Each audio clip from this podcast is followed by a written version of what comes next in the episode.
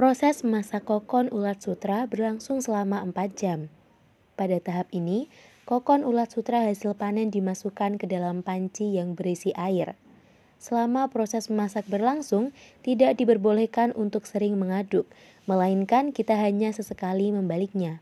Saat air sudah mendidih, masukkan deterjen cair ke dalam panci yang bertujuan untuk membersihkan kokon.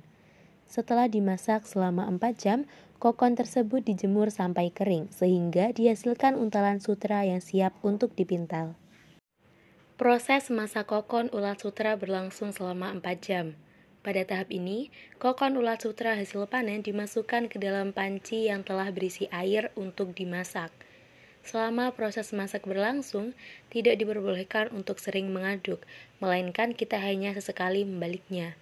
Saat air sudah mendidih, masukkan deterjen cair ke dalam panci yang bertujuan untuk membersihkan kokon.